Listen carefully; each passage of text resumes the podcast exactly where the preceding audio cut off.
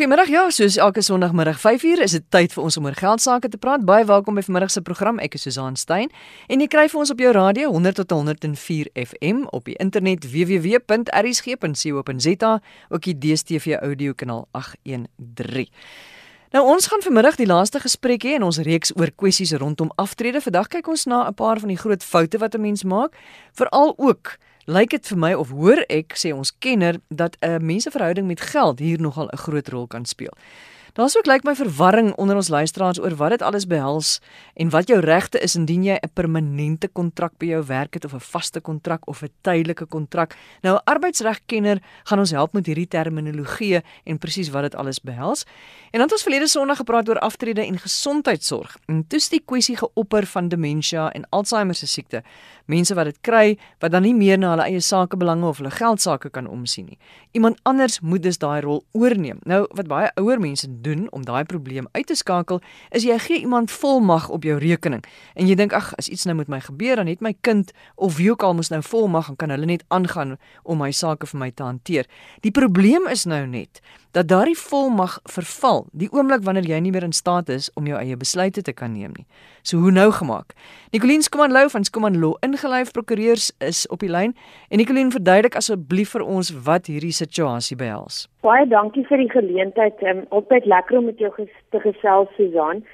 Voordat ek by die vraag uitkom, gee my net 'n oomblik om om een of twee konsepte net op die tafel neer te sit sodat ons 'n konteks kan kry waarin ons dan die vraag sal beantwoord.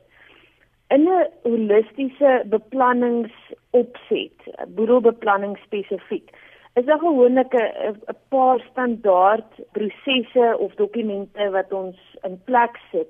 Een van daardie dokumente is wat ons noem die lewende testament. Nou die lewende testament is essensieel 'n dokument wat gewoonlik geliaseer word by 'n mediese praktisyn of met naasbestaandes gedeel word en word regsuitvoerbaar gedurende die lewe van die persoon wat hom opgestel het of geteken het. Dit bepaal dan die die mediese sorg wat daardie persoon sal verlang in die geval wat iets onvoorsien gebeur, miskien 'n motorongeluk of langtermynbewussyn wat wat nie meer ehm um, kan nie teenwoordig is nie of bevoegdheid wat inderdaad dan nou weg is op 'n op 'n sekere manier. En ek wil duidelik maak dit gaan nou glad nie oor genade dood en die tipe van goed nie. Dit is onwettig in Suid-Afrika. So dit gaan bloot daaroor oor watse tipe sorg jy so, graag sou wil hê in 'n geval wanneer jy nie meer vir jouself kan praat nie. Die tweede dokument is dan nou die testament. Die testament is 'n dokument wat uh, na afsterwe regsuitvoerbaar word. En dit handel dan met die bates en die laste en al ons aardse dinge wat dan nou agterbly na afloop van ons lewe en hoe dit hanteer gaan word, wie dit gaan erf ensovoorts. So net om duidelikheid te kry, hierdie twee dokumente is baie baie verskillend van mekaar. So wanneer ons praat van 'n volmag, is dit ook baie anders as 'n lewende testament, want dit handel uitsluitlik dan met bates of laste of transaksies. So oor hoofskry mens twee tipes volmagte. 'n spesifieke volmag of 'n spesiale volmag wat gebaseer is miskien op 'n spesifieke situasie, 'n transaksie, 'n spesifieke bate, miskien 'n platform of 'n tydsgreep. Dan kry mens ook 'n algemene volmag wat algemeen is en wat algemene volmag verleen aan 'n persoon om namens jou iets te doen of namens jou op te tree. Nou watter van die twee mees geskik sal wees af is afhangend van die situasie en die omstandighede daarom. Weereens is iets wat gebruik word of regtig voerbaar is gedurende jou lewe, maar hier kom die kinkel in die kabel en nou gaan ek die vraag antwoord. Dit gaan oor regsbevoegdheid. Met ander woorde dat die die mag van besluitneming in die gewone manier teenwoordig is, dat jy jou eie sake nog kan behartig en 'n ingeligte besluit kan neem daaroor. So die oomblik as jy 'n volmag teken en in 'n in die toekoms daardie bevoegdheid nie meer daar is nie, kom ons sê in 'n situasie soos Alzheimer of demensie, enige iets wat die besluitnemingsmag asook dan aantas op op 'n manier, dan val daardie volmag van 'n regs oogpunt af weg En dan is in Suid-Afrikaanse reg die enigste pad vorentoe is eintlik om 'n hof te nader en 'n kurator aansoek te bring om namens daardie persoon na hulle doen en late en hulle finansiële aspekte, bates en lastes en dies meer te kan omsien van 'n van 'n regsoogpunt af. Oor see is daar ander alternatiewe. Byvoorbeeld in die VSA sowel as Groot-Brittanje hoor ons soms of praat soms van wat hulle in Engels noem 'n advanced directive of 'n advanced power of attorney. Met ander woorde dat jy 'n uh, volmag kan uitreik of 'n dokument kan saamstel wat benewens die feit dat bevoegdheid regsbevoegdheid dalk kan ontbreek in die toekoms nog steeds sal vol staan. Ongelukkig werk dit nog nie so in Suid-Afrika nie. So advies vir luisteraars is eintlik maar maak seker dat jou lewende testament in plek, jou gewone laaste wil en testament en doen hierdie volmagte, maar weet dat daar kan 'n situasie in die toekoms gebeur waar die persoon wat namens jou moet optree inderdaad 'n hof sal moet nader en om formeel aangestel te word as jou kurator. So Nicoline, verstaan ek jou reg? Al sit ek miskien in my testament dat ek wil graag hê my seun of my dogter of wie ook al uh moet al die mag hê en al die besluite vir my neem en moet besluit waar ek gaan jy weet woon of lê as daar so 'n situasie kom dat ek nie meer besluite kan neem nie, dan is dit nie geldig nie tensy daar hierdie kuratorskap verkry word by 'n hof. Onthou, die die gewone testament handel met bates en lastes met jou boedel sodra jy te sterwe kom. So daardie dokument wil ek amper vergelyk met iets wat nie lewe het nie. Dit het nie dis nie regsuitvoerbaar totdat jy fisies te sterwe kom nie. Mhm. Dan word daardie dokument regsuitvoerbaar. So as iemand nog lewendig is, gaan 'n testament nie daardie situasie kan reguleer nie. So die enigste manier wat jy dit kan doen is a is dit bloot gaan oor mediese sorg of behandeling deur middel van 'n lewende testament of in te, in terme van jou sake te behartig of bates te bestuur, betalings te kan maak ensovoorts dan is dit 'n volmag. Maar sodra daar die regsbevoegdheid sou wegval as gevolg van 'n kondisie mm -hmm, mm -hmm. of 'n situasie wat jy jouself in mag bevind, dan is jy in 'n situasie wat wat daardie persoon wat namens jou kon optree sal moet 'n hof nader om aangestel te word as jou kurator. Ek moet jou sê vir my as 'n leek klink dit asof dit glad nie sin maak nie, want dis dan juis hoekom ek iemand volmag gee oor my sake is dat as iets met my gebeur, as ek nie meer daai besluite kan neem nie, dat iemand anders dit vir my kan doen. Ek stem volkome saam met jou dit dit dit mag dalk so voorkom, maar van 'n regsoogpunt af is daar eintlik 'n goeie rede hoekom die reël so bestaan in ons regstelsel. En dit is omdat dinge kan verander oor tyd. En ons sien in die, in die praktyk vele kere dat mense nie hulle lewende testamente, volmagte en testamente as sulks gereeld opgedateer hou nie. So in in in praktisiteite kan daar baie omstandighede verander. Miskien kan die verhouding um, met die betrokke persoon vir wie jy die volmag gegee het versuur of miskien gebeur iets met die persoon vir wie jy volmag gegee het en en hulle is nie meer in 'n in 'n posisie om om die volmag uit te voer nie.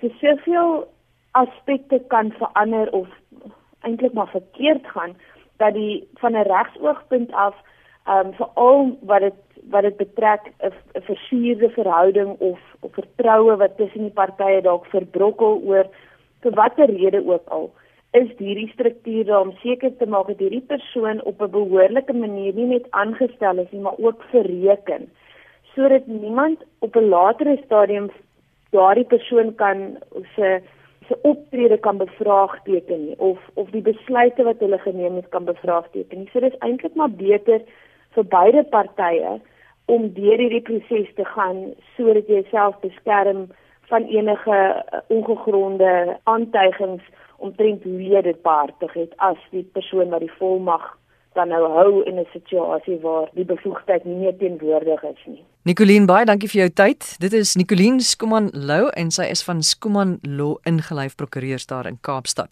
En nou gaan ons kyk na arbeidsregs kwessies. Dit gaan oor kontrakte, 'n vaste termyn kontrak, 'n tydelike kontrak. Wat is jou regte? Kan jy eis vir werkloosheidsversekering as jy nou byvoorbeeld net 'n tydelike kontrak het? En ons gaan dan aan die einde van die program praat ons weer oor aftrede. Vandag kyk ons na die grootste foute en ook hoe jou verhouding met geld dalk 'n rol hierin speel. Maar eers aan die woord. Hier by my in die ateljee is Jolandi Prinsloo. Sy's 'n arbeidsregkenner van Y Labor. In Jolandi verlede week het jy gepraat oor die gevare van leuns op 'n mens se CV en wangedrag by die werk. En vandag praat ons oor iets wat baie mense onseker oor is. Daar's baie daar baie SMS'e of e-posse daaroor ingekom. En dit gaan oor werknemers wat 'n vaste termyn kontrak gebruik om mense aan te stel op 'n tydelike kontrak of 'n proeftydperk. Ek moet jou sê dit is dis al hierdie terminologie wat vir my 'n bietjie verwarm verwarrend is. Kan jy dit asseblief vir ons net verduidelik wat die probleem hier is? Susan, daar's 'n groot verskil tussen 'n proeftydperk en 'n vaste termynkontrak.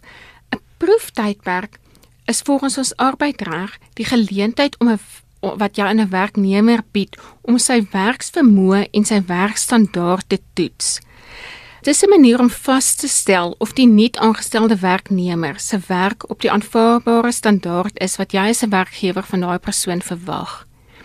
'n vaste termyn kontrak is 'n kontrak vir 'n vaste termyn of 'n spesifieke projek. Dit gaan jy byvoorbeeld gebruik as iemand vir 4 maande op kraamverlof gaan en jy iemand in daai persoon se plek vir 4 maande moet aanstel. Ons arbeidsreg is baie streng as dit kom by vaste termyn kontrakte en bepaal ook dat jy nie iemand op 'n vaste termyn kontrak mag aanstel om jou verantwoordelikhede ten opsigte van proef te omseil nie. Jy kan nie iemand op 'n vaste termyn kontrak aanstel en dan net aan die einde van daai tydperk, byvoorbeeld 3 maande vir daai persoon sê jammer, ons gaan jou nie vas aanstel nie. Jy gaan regtig vir jouself probleme by die KVBA ehm um, veroorsaak indien jy so iets sou doen. So as ek 'n werknemer is en ek wil jou graag aanstel, maar ek wil nou eers hê ek bietjie daarom kyk of dinge reg is dan kan ek nie daai vaste termyn kontrak gebruik nee. nie. Nou wat gebruik ek dan? Jy stel daai persoon aan as 'n werknemer met 'n klousule met 'n proeftydperk klousule daarin wat bepaal jy is vir daai tydperk op proef. Daar's ook niks in ons arbeidsreg wat bepaal dit moet vir 3 maande wees nie. Dit kan vir korter wees, dit kan vir langer wees afhangende van die posisie. En indien jy as werkgewer miskien bietjie onseker is of daai persoon regtig die geskikte kandidaat is, na afloop van die proeftydperk kan jy daai proeftydperk ook skriftelik verleng. Werkgewers en werknemers moet onthou jy kan nie net aan die einde van daai tydperk vir iemand sê jy is onsuksesvol nie. Daai werknemer moet deur daai tydperk gemonitor word. En waar daar tekort is, moet daar hulp verleen word en opleiding verskaf word om seker te maak dat jy as werkgewer alles in jou vermoë gedoen het om daai persoon in staat te stel om daai 'n spesifieke posisie te kan korrek vervul. So jy kom werk by my, ek stel jou aan as 'n as 'n werknemer, maar ek sê vir jou daar's 'n klousule in daai kontrak wat ek en jy teken wat sê vir 2 maande is jy op 'n proeftydperk. Sê nou maar die 2 maande proeftydperk is verby. Ons het nou alles probeer, die verhoud dit werk nou net nie. Jy is nie geskik vir die posisie nie en ek sê vir jou, hoor jy jammer vriend, jy moet nou gaan. Is jy dan geregtig op ietsie die persoon wat moet gaan vir daai 2 maande of of hoegenaamd niks? Nee, daar's geen pakket wat uitbetaal word nie. Jy is net geregtig op jou salaris wat jy verdien het gedurende daai tydperk. Jy het 'n keertjie vir my gesê daar bestaan nie iets soos 'n tydelike kontrak nie. Wat het jy bedoel? Susan, daar is nie iets soos 'n tydelike werker nie. Jy is of 'n permanente werknemer of jy is op 'n vaste termyn kontrak aangestel. Maar iemand kan jy nie net inkry om vir 'n maand vir hulle te kom werk en dan sê hulle vir jou jammer, weet jy, jy moet weer gaan nie. So as ek iemand nodig het vir 'n maand, dan moet ek vir hom op 'n vaste termyn kontrak aanstel. Dit is heeltemal reg. Jy maak 'n ooreenkoms met daai persoon. Hoekom jy hom op 'n vaste termyn kontrak aanstel en daai persoon moet ook weet dit is vir daai spesifieke tydperk. Jy moet seker maak dat die werknemer ook bewus is dat daar nie 'n verwagting geskep gaan word van 'n permanente posisie of dat daai vaste termyn kontrak hernie gaan word nie. Nou ek en jy het 'n gesprek gehad, 'n luisteraar het vir ons gesê hy het by 'n kleuterskool of iets gewerk tydelik en toe later permanent. Nou, veronderstel ek is nou hier by die huis rond en ek het nou nie 'n betrekking nie en iemand sê vir my, hoorie, maar ek het nou kleuterskool of ek het 'n uh, wat ook al restaurant. Hoekom kom werk jy nie vir 'n rukkie by my nie? Jy weet, maar daar's geen kontrak tussen ons nie, daar's nie gesprek gevoer nie. Nou gaan dit so half aan en aan en aan. Wanneer is hierdie dan wanneer is jy dan geregtig om te sê, "Hey, maar eintlik is ek nou vaste personeel en ek kan aandring op sekere voordele." Susan, so dra daai persoon begin werk en hy werk vir meer as 24 uur, is hy vas aangestel. 24 uur wat 'n maand, ekskuus. Ja. Daai werkgewer moet daai persoon vir werkloosheidsversekering um, registreer en daartoe bydra. Daai persoon moet 'n kontrak kry soos bepaal deur ons wet op basiese diensvoorwaardes. Daai persoon sal gedek wees vir besering aan diens sou hy seer kry. Daai persoon is dan ook geregtig natuurlik aan die ander voordele soos betaalde verlof, betaalde siekverlof. En wat werknemers of luisteraars ook moet onthou is al is daar nie 'n skriftelike kontrak nie. Jy is 'n werknemer en jy is geregtig op al daai voordele. Weet wat baie keer dink ehm um, mense niks is op skrif nie, so daar bestaan nie 'n werksooreenkoms nie. Dit is ongelukkig nie waar nie. Jolandi baie dankie dat jy weer ingekom het ateljee toe. Dit is Jolandi Prinsloo, sy is 'n arbeidsregkenner van Y Labour. En ons sluit ons program af as ook ons kort reeks van gesprekke hier op Rand en Sent met Wouter Fourie oor aftrede. Vanmiddag praat ons dan oor die grootste foute wat ons maak. Wouter is 'n direkteur van Escor Independent Wealth Managers. Hy is ook 'n geregistreerde finansiële adviseur en die skrywer van die boek The Ultimate Guide to Retirement in South Africa of die medeskrywer daarvan. Wouter, wat sê jy, wat is die grootste foute wat ons maak met ons aftrede? Dink die twee wat vir my uitstaan is nie behoorlike beplanning nie. En dan die tweede een is historiese of vorige gedrag. Ehm um, en dit is hoe mense van tevore gewerk het met jou geld. En dit hang ook af van hoe jou ouers jou opgelei het of nie opgelei het of jou geleer het of jou opgevoed het, is die woord wat ek soek ten opsigte van van geld. Nou daar's verskillende maniere hoe mense dan hierdie tekorte of gevare kan aanspreek as jy nou werklik nie genoeg gespaar het vir aftrede nie. Die eerste een en is eintlik die heel eenvoudigste een is werk langer. En almal van ons wil graag langer werk want ons dink ons is sterk genoeg en ons gaan honderde jare oud word met daardie realiteit. Dat ou nie noodwendig dit al kan doen nie maar dis 'n oplossing. En as ek sê werk langer probeer jouself in 'n posisie te sit dat jy buite jou normale werk wat jy doen dalk 'n stokperdjie het wat vir jou geld kan genereer. Dis 'n ideale ding om te doen want dan geniet jy dit om geld te maak en um, ek dink dis 'n ideaal wat jy ook kan nastreef. Kyk ook na jou lewenskoste as jy nie genoeg gespaar het nie begin jou lewenskoste afwaarts aan te pas. Gaan kyk na begroting stel 'n ordentlike begroting op en ook vertrou jou familie in die proses, deel met hulle wat jou proses is. Dan ook langs lewendheid is iets wat ons moet in kennis neem wanneer ons um, in aftrede gaan. Jy moet beplan dat jy langer gaan lewe. Gesondheid en die kostes van medikasie het ons oor gepraat. Keuse van die anniteite en beleggingsprodukte is baie belangrik want jy kan jouself arm spaar deur in die verkeerde produkte belê. Met ander woorde, as jy 30 jaar oud is, maak dit glad nie sin om byvoorbeeld jou geld in 'n geldmarkfonds te sit nie. Jy moet aandele blootstelling in jou portefeulje. Jy kan op die ouene van 5 op 65 opeindig met 'n baie klein pensioenfonds in vergelyking met iemand wat dieselfde bydra het wat 'n redelike fris pensioen dan gaan hê. Wees baie versigtig by vroeë afdankings en by aftrede. Probeer so lank as moontlik werk, het ek nou al genoem. En ook as 'n mens kyk na afdankings, moet jy dit is jou verantwoordelikheid om daai pensioengeld wat jy opgebou het te besef dis pensioengeld en dis nie 'n geleentheid dan om 'n nuwe kar te koop of om 'n 'n nuwe speelding te koop nie. Belangrike ding om in ag te neem by aftrede is inflasie. En daar's nie net koopinflasie nie, maar ons praat ook van mediese inflasie. Dit mens moet seker maak dat jy bybly en dat jy dit kan hanteer. En dan 'n belangrike enetjie is slegte beleggingskeuses en ek waarsku mense sommer weer vandag ook as as iets te goed klink om waar te wees dan is dit heel moontlik iets wat jy nie jou geld moet belê nie. As die rentekoerse wat hulle aanbied dubbel is wat 'n bank aanbied, dan moet jy bekommerd wees. En vir alles mense sê daar kom 'n waarborg by, ondersoek die waarborg van wat is daai waarborg regtig werd. En dan hoë kostes en ongewenste beleggingsprodukte. Kostes is 'n faktor. Dis die een ding wat jy op kan staat maak wat jy kan beheer in jou pensioenfonds om seker te maak dat jy nie onnodig kostes betaal nie. En dan 'n groot uitdaging vir ons as ons gaan kyk na aftrede is wat ons noem die boomerang generasie. Nou boomerang is iets wat jy gooi en dan kom hy terug na jou toe en dit verwys ons gewoonlik na die kinders wat 'n mens vrylaat en dan op die ouene terugkom en dan 'n mens na hulle moet omsien. Um, ons generasie staan ook bekend as die toebroodjie generasie want ons het ons ouers na wie ons omsien en ons kinders.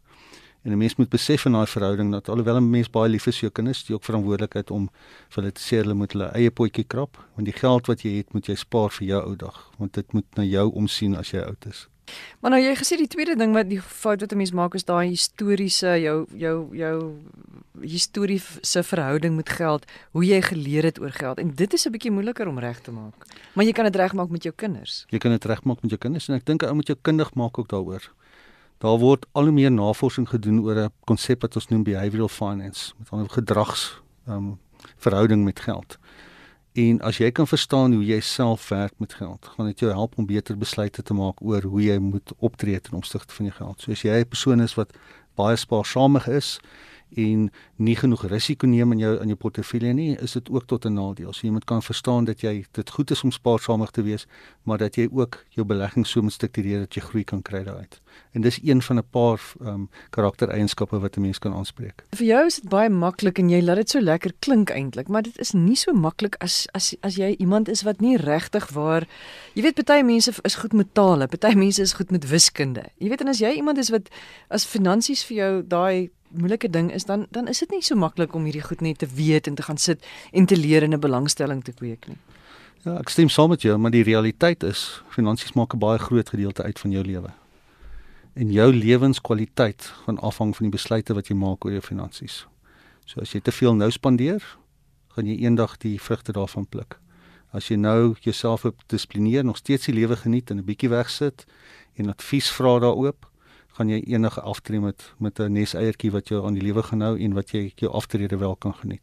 En weet jy wat ek dink altyd aan finansies soos aan oefening. Jy weet, jy moet maar net dit is so tandeborsel. Jy moet eenvoudig jou oefening doen as jy gesond wil wees en goed wil voel en jy moet eenvoudig na jou finansies leer kyk of jy nou daarvan hou of nie as jy wil voel dat jy in beheer is daarvan en dat jy kan sorg vir jouself en nie net nou nie maar ook eendag. Ja, as 'n persoon wat wat gereeld oefen, kan ek vir jou sê dat die ergste is die dag as jy op 'n oefen en jy moet weer begin. En dis dieselfde met spaar en met finansies ook. So dis 'n deurlopende ding. Dit moet deel word van jou DNA, dit moet 'n gewoonte raak. Hoe langer jy dit doen, hoe gemakliker raak dit vir jou om dit te doen en jy raak meer gedissiplineerd. En weer eens, mense moenie bang wees om te gaan hulp vra nie. Ek dink dit is belangrik om vir jou 'n goeie finansiële beplanner te kry om saam met jou deur hierdie proses te gaan en ek van tevore ook gesê jy moenie voel dat jy dom vra vra is iets wat jy nie verstaan nie vra dit liewers te weer. En as die persoon net nie vir jou reg kan antwoord nie kry dan iemand anders te wat dit vir jou reg kan antwoord. Maar dis jou geldjies dis jou lewe. Die besluite wat jy nou maak sal die res van jou lewe beïnvloed Wouter baie dankie. Ek waardeer dat jy ingekom het. Dit is ons laaste gesprek nou vir eers want daar's so baie aspekte wat 'n mens nog kan bespreek, maar ons wil nie weer vir jou dit aandoen om volgende week weer in te kom nie. Ons kan nou in 'n later stadium kan ons verder gesels. Dis Wouter Fourie, hy is die direkteur van Escor Independent Wealth Managers. Hy is ook 'n geregistreerde finansiële adviseur en medeskrywer van die boek The Ultimate Guide to Retirement in South Africa. Dit is dan ook die einde van ons program. Ek herinner jou net weer aan ons Rand en Sent boek wat by alle goeie boekwinkels naby jou beskikbaar is. En as jy dit nie daar kry nie, dan laat jy vir my weet, Susan by rsg.co.za. Susan is, jy spel dit S U Z A A N by rsg.co.za. Dit is ook as 'n e-boek aanlyn beskikbaar. Dit word deur Penguin uitgegee. En ons het van die gewildste onderwerpe wat al op Rand en Sent bespreek is, het ons in boekvorm saamgestel en uh, dit kan jy nou vir jou gaan gaan aanskaf of vir iemand gee wat jy weet nodig het om 'n bietjie op te lees oor geld sake, want daar is oor beleggingskwessies, spaarkwessies, oor aftrede, oor versekerings, oor skuld, oor hoe om jou kredietkaart te gebruik, uh, testamente, 'n verskeidenheid van onderwerpe wat ons al bespreek het wat nou in die boekvorm beskikbaar is. Onthou ook jy kan weer na enige gesprek van ons gaan luister op www.rsg.co.za. Dit is beskikbaar as potgoeie daar. Jy kan dit vir jou gaan aflaai of sommer direk daar luister. En dan soos ek gesê het, my e-posadres susaan@rsg.co.za. Ons praat volgende Sondag middag 5uur weer. Ek hoop dit is 'n baie baie mooi en goeie week vir jou. Totsiens.